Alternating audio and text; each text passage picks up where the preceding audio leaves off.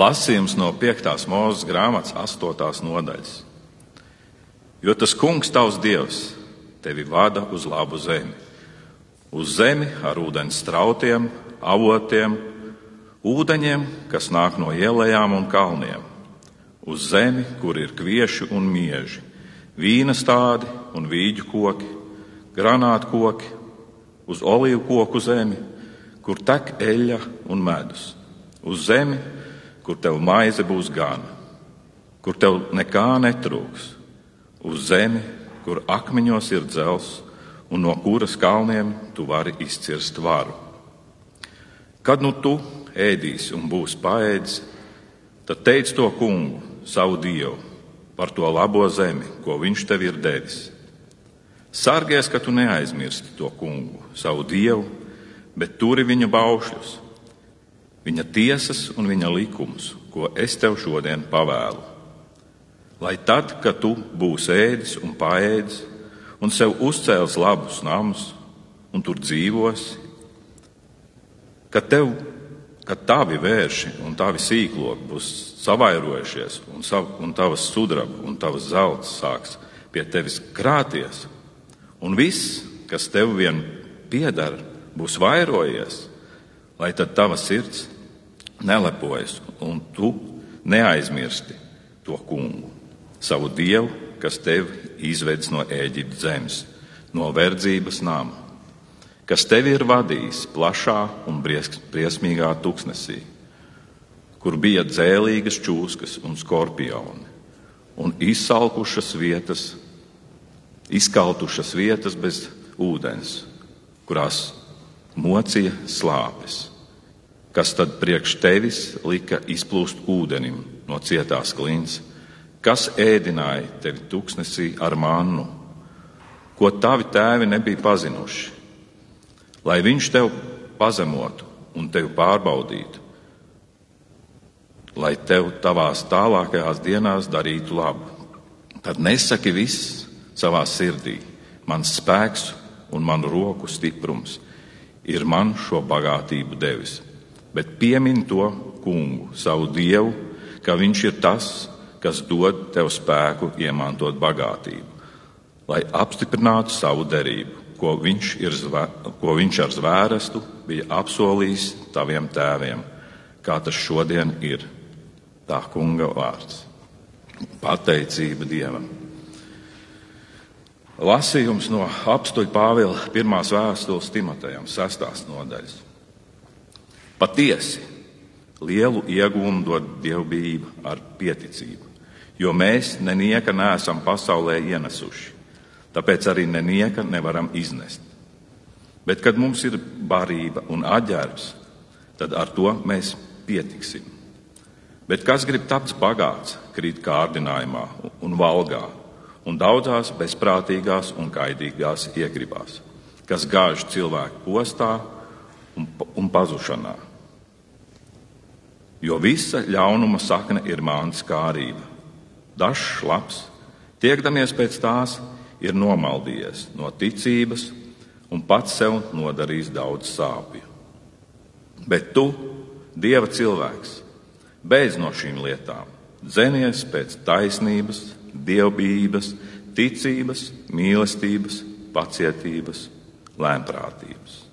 Tā kunga vārds - cība Dievam. Lasījums no mūsu kunga Jēzus Kristus evaņģēlija, ko pierakstījis apustulis Jānis, 4. nodaļā, sākot ar 31. pantu. Pa to starpu mācekļi lūdza viņu sacīdami: Rabi, ēd! Tās atvainojos. Jā. Bet viņš tiem teica: Man ir ēdiens, ko ēst, kuru jūs nezināt. Tad mācekļi cits citam sacīja: Nebūs taču kāds viņam atnesis ēst. Jēzus tiem sacīja: Mans ēdiens ir darīt tā gribu, kas man ir sūtījis, un piepildīt viņa darbu. Vai jūs nesakāt, vēl četri mēneši un nāk pļaujamais laiks? Redziet, es jums saku, paceliet savas acis un skatiet drūvas, kas jau ir baltas pļaujai. Jau pļāvējs saņem algu un vāc augļus mūžīgai dzīvībai, lai kopā priecātos abi sējējs un pļāvējs. Jo te patiesi ir teiciens, ka cits ir, kas sēj, un cits ir, kas pļauj. Es jūs sūtu pļaut, kur jūs neesat pūlējušies. Citi ir strādājuši, bet jūs esat ienākuši viņa darbā. Bet daudzi samarieši no šīs pilsētas sāka viņam ticēt tās sievietes vārdu dēļ, kura liecināja, viņš man ir pateicis visu, ko es esmu darījusi. Kad nu samarieši nāca, lūgdami viņu palikt pie tiem, tad viņš palika tur divas dienas, un daudz vairāk ļaužu kļuva ticīgi viņa vārdu dēļ. Bet sievietē tie sacīja, mēs ticam vairs ne tavas runāšanas dēļ, jo paši esam dzirdējuši un zinām, ka patiešām viņš ir pasaules pestītājs. Tā kunga vārds. Mēs lūdzam, kungs, svētais gars, lai tu nāc šajā sirdī, lai tu uzlūko mūs, lai tu paņem prom visas rūpes un visu citu, kas traucē dzirdēt tavu vārdu, un dod, ka tavs vārds ienāk mūsu sirdīs kā patiesība, kā dzīvības avots, kā prieka un pateicības avots. Kungs nāc mūsu vidū. Jēzus vārdā. Amen. Lūdzu, apsēdieties. Es ļoti atvainojos, ka jūs tā iepriekš nebrīdinot. Es šodien stāvu šeit, bet uh, es esmu Aija, es esmu evaņģēliste un mans vīrs ir Mareks mācītājs. Viņam gadījās apslimt, un tā slimība nav briesmīga, bet klepus ir briesmīgs, un, un tas viņam sagādā grūtības runāt. Tādēļ šo dievkalpojumu vadu es. Un, uh, ai, uz nepareizo pusi. Man drusciņi vēl jāiemācās šīs tehnikas lietot.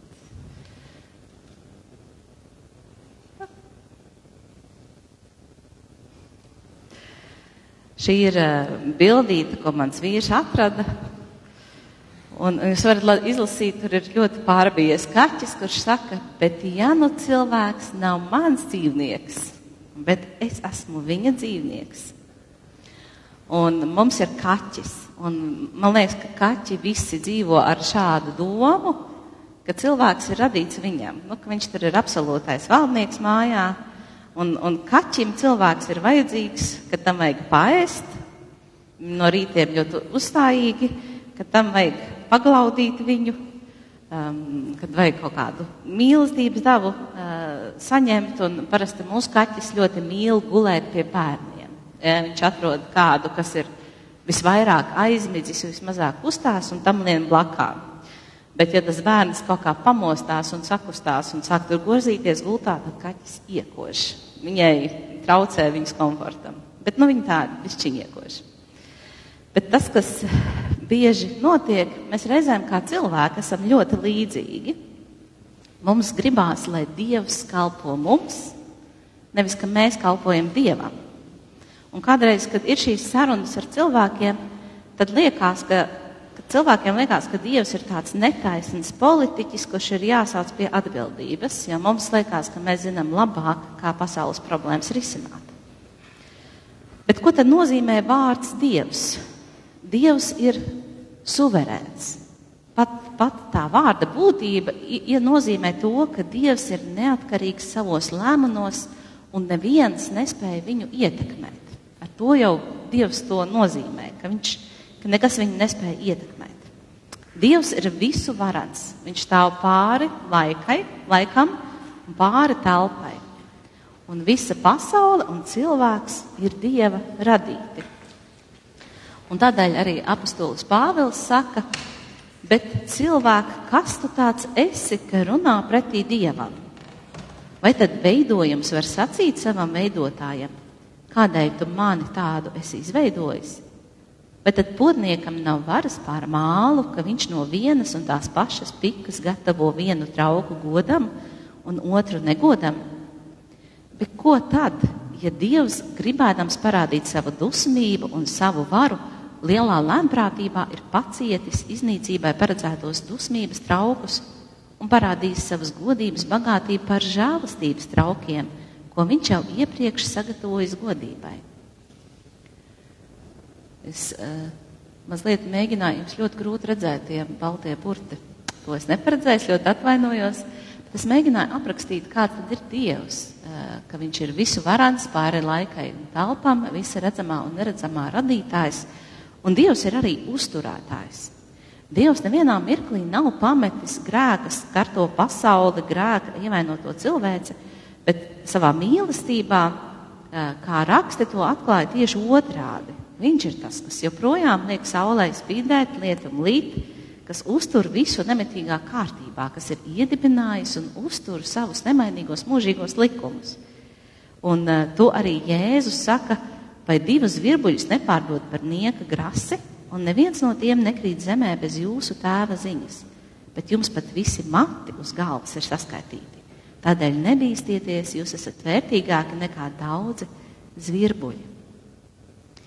Dievs ir visas pasaules, bet reizē arī mūsu glābējs, uzturētājs, un viņš zina visu, kas ar mums notiek, ar ko mēs cīnāmies, un kur mums ir vajadzīga viņa palīdzība. Bet Dievs ir arī glābējs un pestītājs. Tāpēc ir šī bilde ar krustu. Jo šajā pasaulē notiek nemitīga cīņa, nemitīgs karš. Un reizēm tas arī tīri fiziski izpaužās. Man liekas, ka nav bijusi tāds laiks, kad kaut kur pasaulē uz zemeslodes kāds nekarotu. Varbūt, ka mēs zinām par dažiem kariem, mēs zinām par daudziem kariem, mēs nemaz nezinām, pa laimi tās visas nerāda ziņās. Bet tas jau nav tikai fiziska cīņa, ir garīga cīņa. Tāpēc jau mūsos ir tik daudz maldīgu priekšstatu par Dievu, ka Sātans visvisādi cenšas mūs izšaubīt no mūsu ticības un cenšas mūs izšaubīt no mūsu tādas nodošanās viņam. Un eh, Jēzus līdzībā par to, ka viņš ir labais gans, pretstata tam demonus sacīdams, saugdams viņus par zagļiem. Jāņa 10, 10, zaglis citādi nemaz nenāk, kā vien lai zaktu, nokautu un pazudinātu. Un tas ir tā demona daba joprojām. Viņš, viņi vēlas aplaupīt, mūsu dzīvi, mēlas mūs nokaut un pazudināt, atņemt ne tikai šo dzīvi, bet arī mūžīgo. Un tāpēc mums ir vajadzīgs Dievs kā mūsu glābējs, kā pestītājs, kā sargs ikdienas, kas ir mūsu pusē un kas patiesībā šo cīņu jau ir izcīnījis un apsolījis mums uzvaru. Jēzus Dievu atklāja arī kā tēvu, ļoti mīlošu, rūpīgu tēvu, Un viņa mīlestība uz katru no mums ir dziļa personiska. Mīlošais tēvs redz, kas mums visvairāk ir vajadzīgs. Un reizēm jau mums liekas, ka mēs paši gudri esam. Un, uh, mēs lasījām ar Mareku lekcijas uh, par lūkšanu diakonijas darbiniekiem, un tad mums nav, daudz nācās analizēt un domāt par to, kā mēs lūdzam. Un tad viena no nepareizajām lietām, ko man liekas, visi mēs esam darījuši, ir ka mums liekas, ka mums ir jāizdomā, ko Dievam mums vajadzētu dot, un tad mēs to lūdzam. Mēs bieži sakām, es nemāku lūgt, es nezinu, ko lūgt. Tāpēc, ka mums liekas, ka mums pašiem ir jāizdomā, bet patiesībā Dievs kā mīlošais tēvs, viņš jau zina, kā mums trūkst. Un tā vietā, lai mēs paši izdomātu, ko mums vajag lūgt, mēs varam vienkārši Dievam teikt, Dievs, pa, dod man savu svēto garu, ka es saprastu, ko man vajag, jo es nekā nesaprotu. Arī es domāju, tā ir viena no patiesākajām lūkšanām, ka mēs nākam pie Dieva un sakam, Dievs, es nezinu, ko tev prasīt. Un jūs redzēsiet, ka Dievs vienkārši priecājās par to, ka jūs esat patiesi atnākuši un pateikuši, ka jūs gribat tās dziļās attiecības ar viņu.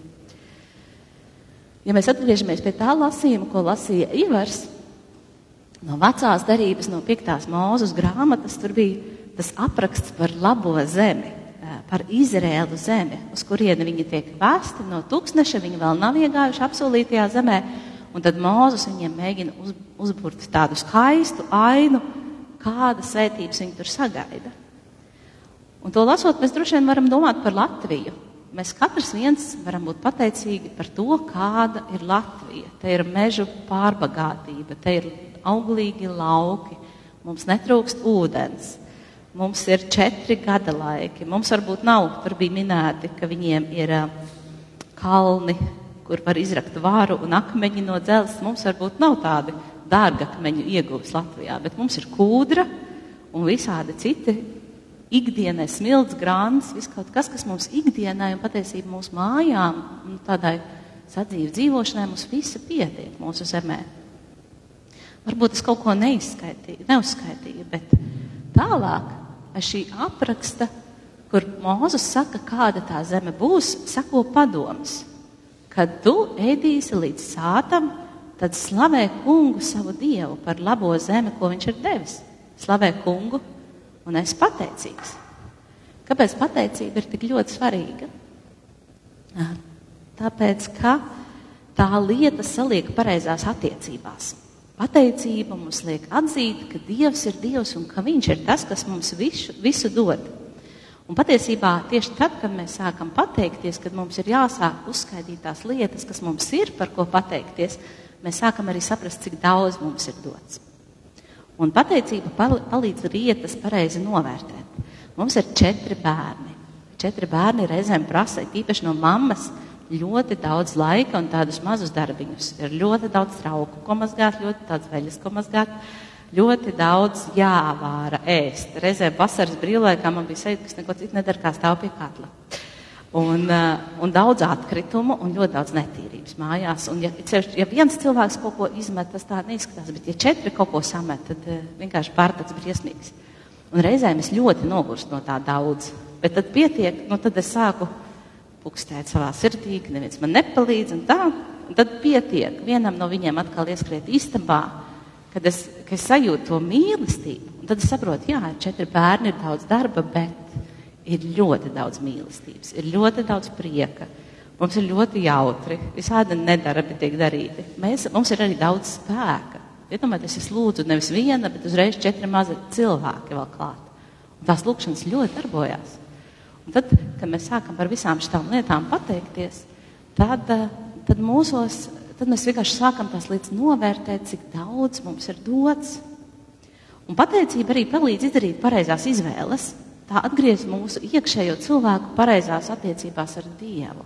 Ja, piemēram, mēs strādājam darbā, kur mēs ilgstoši nespējam par to darbu vai darba kolektīvu pateikties, kā jūs domājat, cik ilgi jūs tur izturēsiet? Pateicība mums palīdz izdarīt izvēles, kad mums ir jāpieņem lēmumi. Vai es būšu par to pateicīgs, vai es mūža beigās par šī, izdarot šo izvēli, būšu pateicīgs par kaut ko tajā visā. Un tālāk Mozus dod tādu brīdinājumu, neaizmirst Dievu. 17. pants. Nesaki savā sirdī, mans stiprums un manu roku spēks man ir devis šo labklājību. Atceries kungu savu dievu, jo viņš dod tev spēku iemantot labklājību, piepildīdams savu derību, ko viņš svērējis taviem tēviem, kā šodien. Cilvēku lielākā problēma ir tieši tas, ja mēs pārstājam pateikties, mēs pārstājam, mēs pazaudējam to saprašanu, ka Dievs ir Dievs. Ir tāda mānīga sajūta, un šie demoni un kārdinātāji čukst mums ausī, tu visu pats paveici, vai arī tev visam viss pašam jāpadara. Tāpēc mēs reizēm grūtībās aizmirstam pateikties. Mēs vienkārši sakožam zobus un darām tālāk. Vai mēs varētu vienkārši palūgt svētais gars nāca palīgā. Un tāpēc arī Pāvela vēstulē Timotejam, ko, kas bija šis vēstuļu lasījums, eh, Pāvils raksta, bet liels ieguvums ir dievbijība ar pieticību. Jo mēs neko neesam ienesuši šajā pasaulē un neko nevaram arī iznest. Tātad visa ļaunuma sakne ir alkatība. Un, un ko mēs par šo alkatību domājot, varam uh, domāt? Alkatība, ka jums prasītu, kas ir alkatība, jūs noteikti teiktu, ka tā ir sajūta, ka man vajag vēl un vēl. Ka to, kas man ir, ka ar to mums nepietiek. Un uh, visbiežāk alkatība latviešiem, jo mēs neesam ļoti bagāta tauta. Mums tā nevar redzēt daudz miljonārus. Mums ir tiešām uz vienas rokas pirkstiem saskaitāmi Bet tā alkatība ikdienas dzīvē visvairāk izpaužas tajā, jāpaglabā kaut kas nebaltai dienai. Un es domāju, to jūs sevī atpazīstat. Es teiktu, tādā pateicības kontekstā alkatība ir spēja, pazaudēta spēja būt pateicīgam. Pazaudēta spēja atzīt, ka man ir mīlošs Dievs, kas par mani rūpējas un dod visu, kas man nepieciešams kurš izvedīs cauri mani nebaltai dienai.